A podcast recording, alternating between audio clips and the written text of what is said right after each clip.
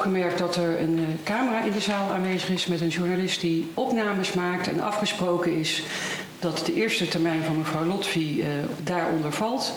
Dus dan gaan we het zo doen. Dan beginnen we met u, mevrouw Lotfi.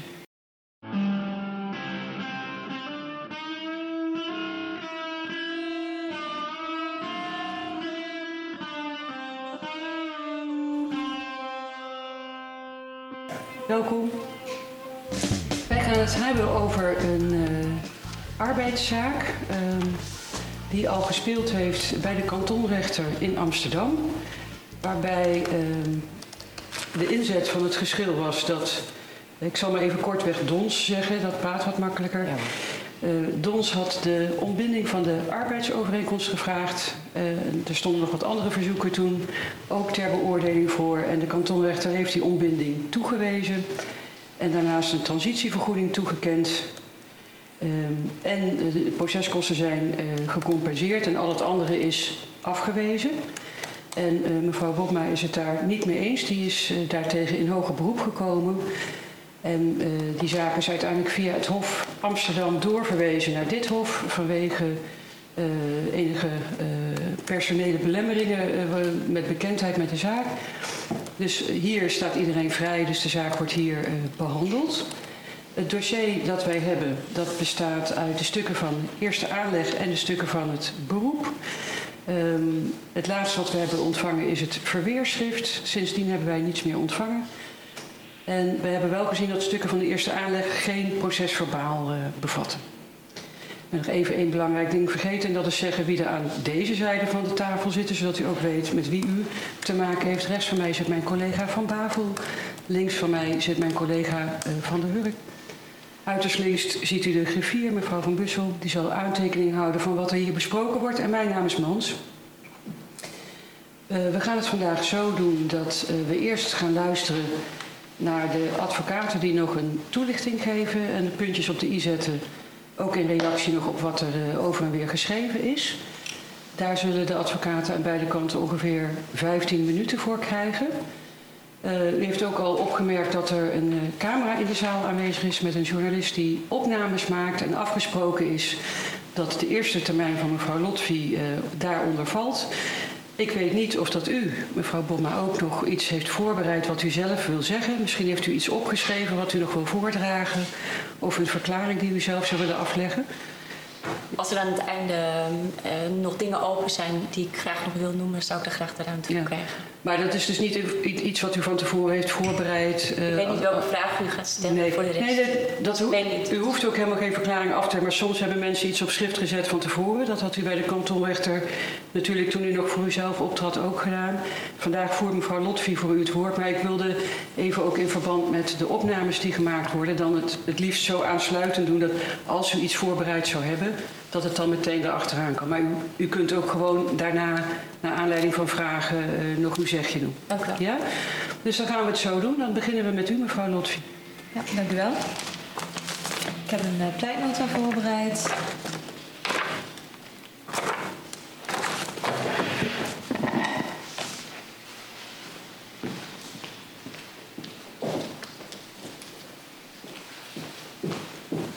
Dank u.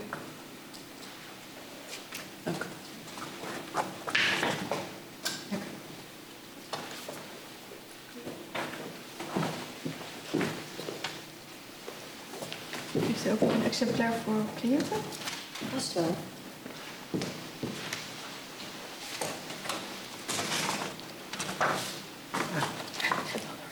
Dank je. Ja, heeft het woord, mevrouw Lotfi. Dank u wel. Bij beschikking van 10 februari van dit jaar heeft de rechtbank Amsterdam de arbeidsovereenkomst tussen partijen ontbonden, omdat mijn cliënten weigerden een PCR-test te ondergaan. Een opmerkelijke beslissing.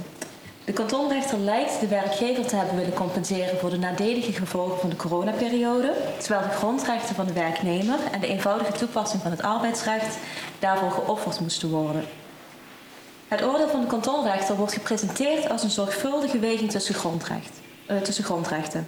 Het grondrecht van de werkgever enerzijds stond bevordering van de volksgezondheid tegenover de grondrechten van werknemer bij bijvoorbeeld de lichamelijke integriteit en de eerbiediging van, eerbiediging van de persoonlijke levenssfeer. Van een zorgvuldige weging was echter geen sprake. Kwalijk is ook dat de normale arbeidsrechtelijke uitgangspunten niet zijn toegepast. De kantonrechter heeft bijvoorbeeld in het geheel geen aandacht geschonken aan bepaalde kernvragen, zoals was de melding dat cliënten wegens gezondheidsredenen haar werkzaamheden niet kon hervatten, was dat te kwalificeren als een ziekmelding? Heeft de werkgever daadwerkelijk een testverplichting aan de werknemers opgelegd?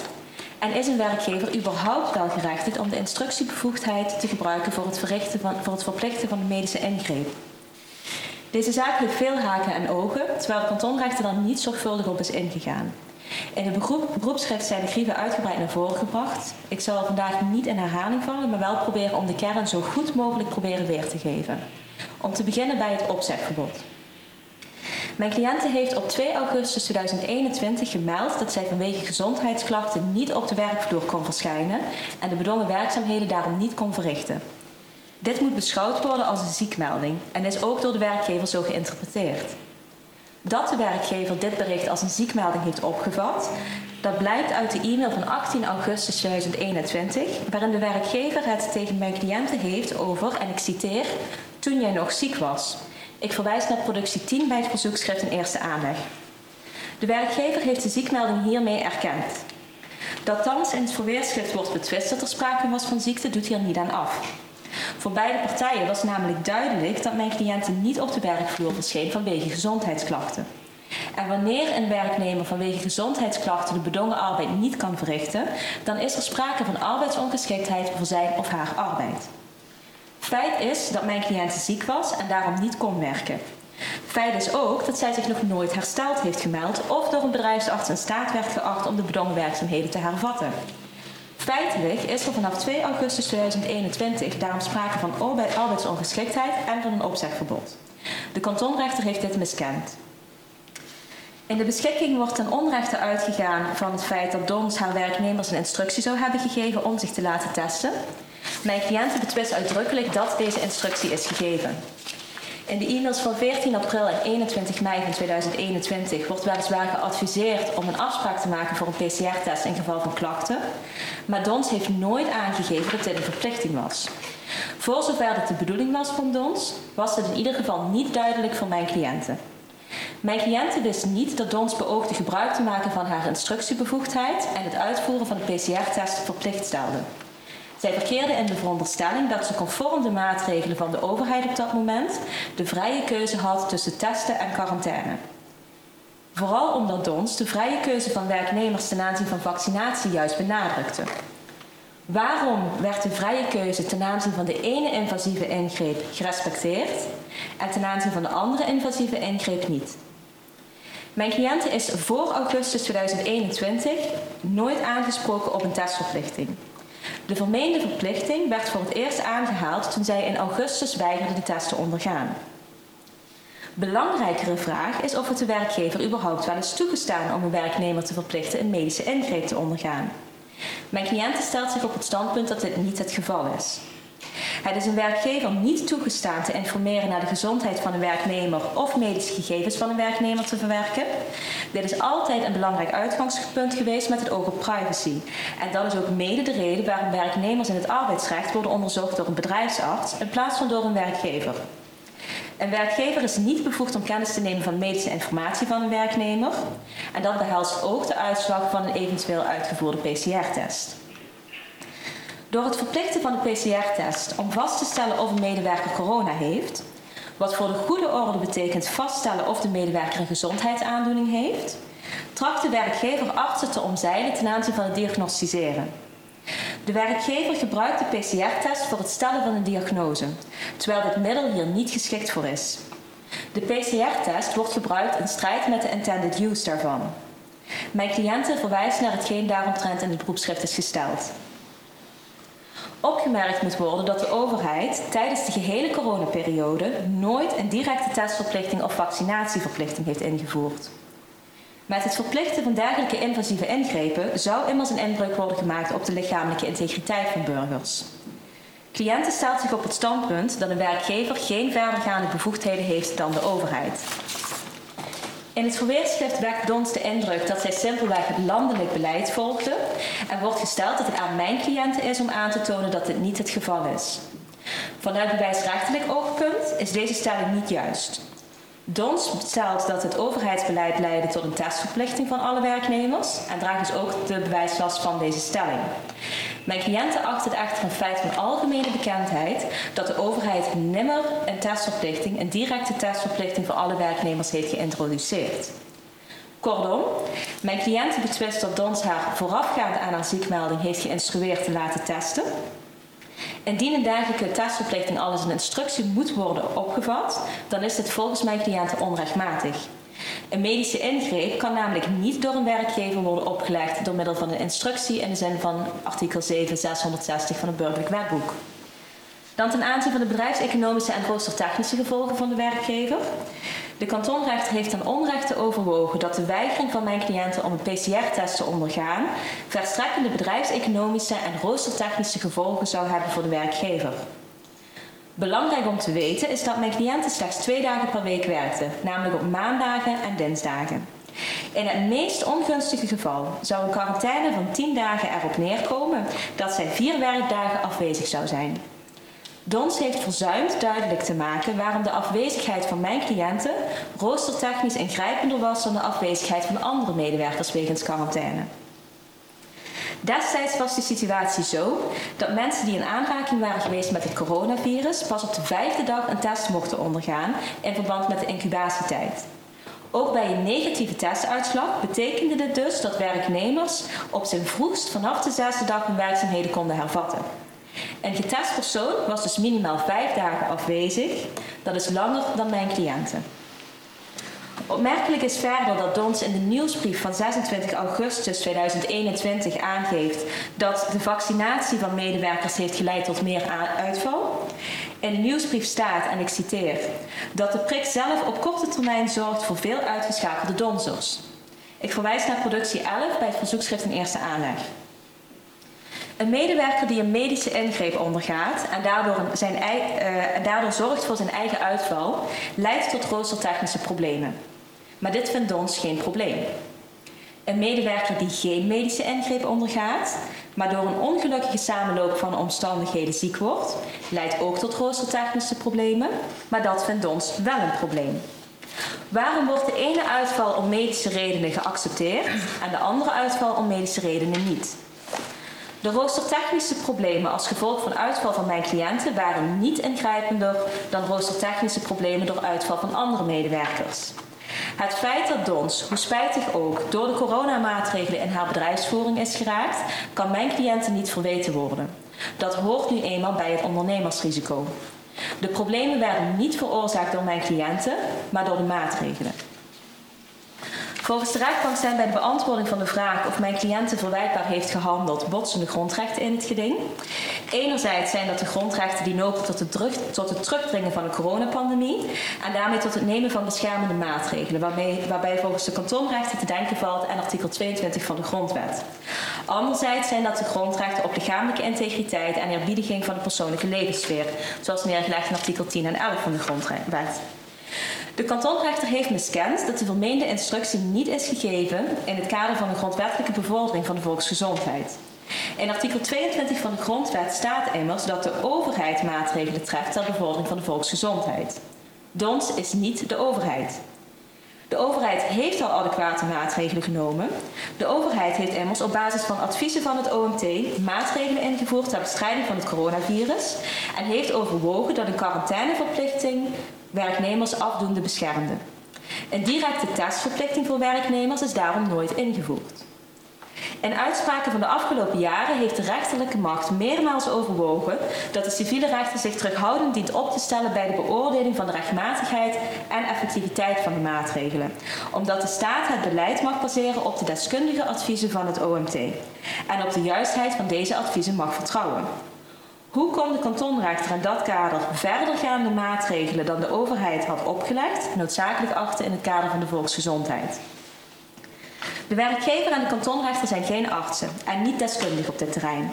Het is niet aan de werkgever of aan de rechterlijke macht om zelfstandig te beoordelen dat een testverplichting op de werkvloer noodzakelijk is en de weloverwogen beslissingen van de staat om geen testverplichting op te in te voeren voor werknemers eenzijdig terzijde te schuiven. Dons voert niet de landelijke maatregelen van de overheid uit, maar overtreft deze. Daartoe is Dons niet gerechtigd. Er is geen sprake van een legitiem doel voor de inbreuk op grondrechten. De bescherming van de volksgezondheid tegen het coronavirus werd namelijk al voldoende gewaarborgd door de maatregelen die de overheid had genomen. Het nemen van verdergaande civielrechtelijke maatregelen was niet noodzakelijk voor een veilige en gezonde werkomgeving. Bij andere bedrijven waar geen testverplichting was ingevoerd, vielen mensen immers niet bij de bosjes neer. De overheid heeft wel overwogen, op basis van deskundige advies, besloten een dat een testverplichting voor werknemers niet bijdraagt aan de bestrijding van het virus en heeft de verplichting daarom niet ingevoerd. Dat een testverplichting niet noodzakelijk was, dient daarom als een vaststaand feit te worden aangenomen in deze procedure. Cliënten heeft een zwaarwegende reden om geen verplichte test te willen ondergaan. Zij is als kind seksueel misbruikt door haar oppas en het verplicht laten binnendringen van haar lichaam roept bij haar weerstand op. Cliënte heeft moeite met nee zeggen en heeft het gevoel dat ze met de eerste zeven testen haar grenzen te ver heeft overschreden. Het opleggen van een testverplichting is gedaan op de persoonlijke omstandigheden van mijn cliënt disproportioneel. Bezwaarlijk is dat Dons haar geen bedrijfsarts heeft laten bezoeken om te beoordelen of deze omstandigheden noopten tot het afzien van de test. Een minder ingrijpend middel was bovendien voorhanden. De tiendaagse quarantaine, zoals geadviseerd van overheidswegen, of het bezoek aan het bedrijfsarts voor het vaststellen van corona. De PCR-test via de neus is immers niet de enige manier om corona te constateren. Dan ten aanzien van het geschikt middel. Dons wil dat mijn cliënt een PCR-test ondergaat om te voorkomen dat zij besmettelijk is. De PCR-test is daarvoor echter geen geschikt middel. Het enkele feit dat de PCR-test wereldwijd gebruikt wordt, betekent niet dat dit een betrouwbare methode is om besmettelijkheid aan te tonen. Dat de PCR-test geen besmettelijkheid aantoont, is door het OMT eh, erkend. Zo heeft Koopmans bijvoorbeeld aangegeven dat de PCR-test geen besmettingen aantoont. En blijkt uit het 130ste advies van het OMT dat het op de PCR-test gebaseerde CTB geen maatregel is om virusverspreiding te voorkomen. De PCR-test is dus geen geschikt middel om virusverspreiding op de werkvloer te verminderen. Cliënten verwijst naar hetgeen zij hierover in het beroepsschrift heeft gesteld. Cliënten handhaaft haar stelling dat er geen sprake is van ernstige verwijtbaarheid aan haar zijde of van een verstoorde arbeidsverhouding. Ze verwijst ook naar hetgeen zij hierover in het beroepsschrift heeft gesteld.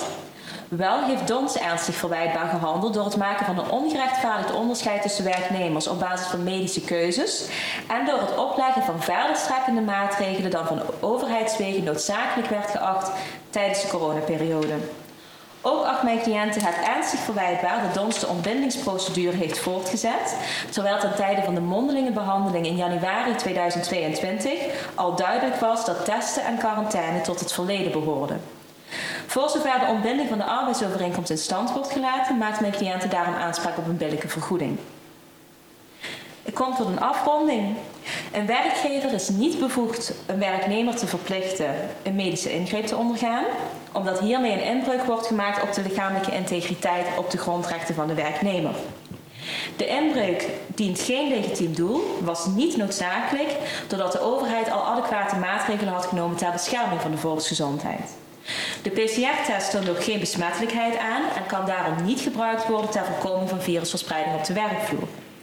De rechtbank heeft daarom ten onrechte geoordeeld dat mijn cliënt verwijtbaar heeft gehandeld en de arbeidsovereenkomst ontbonden.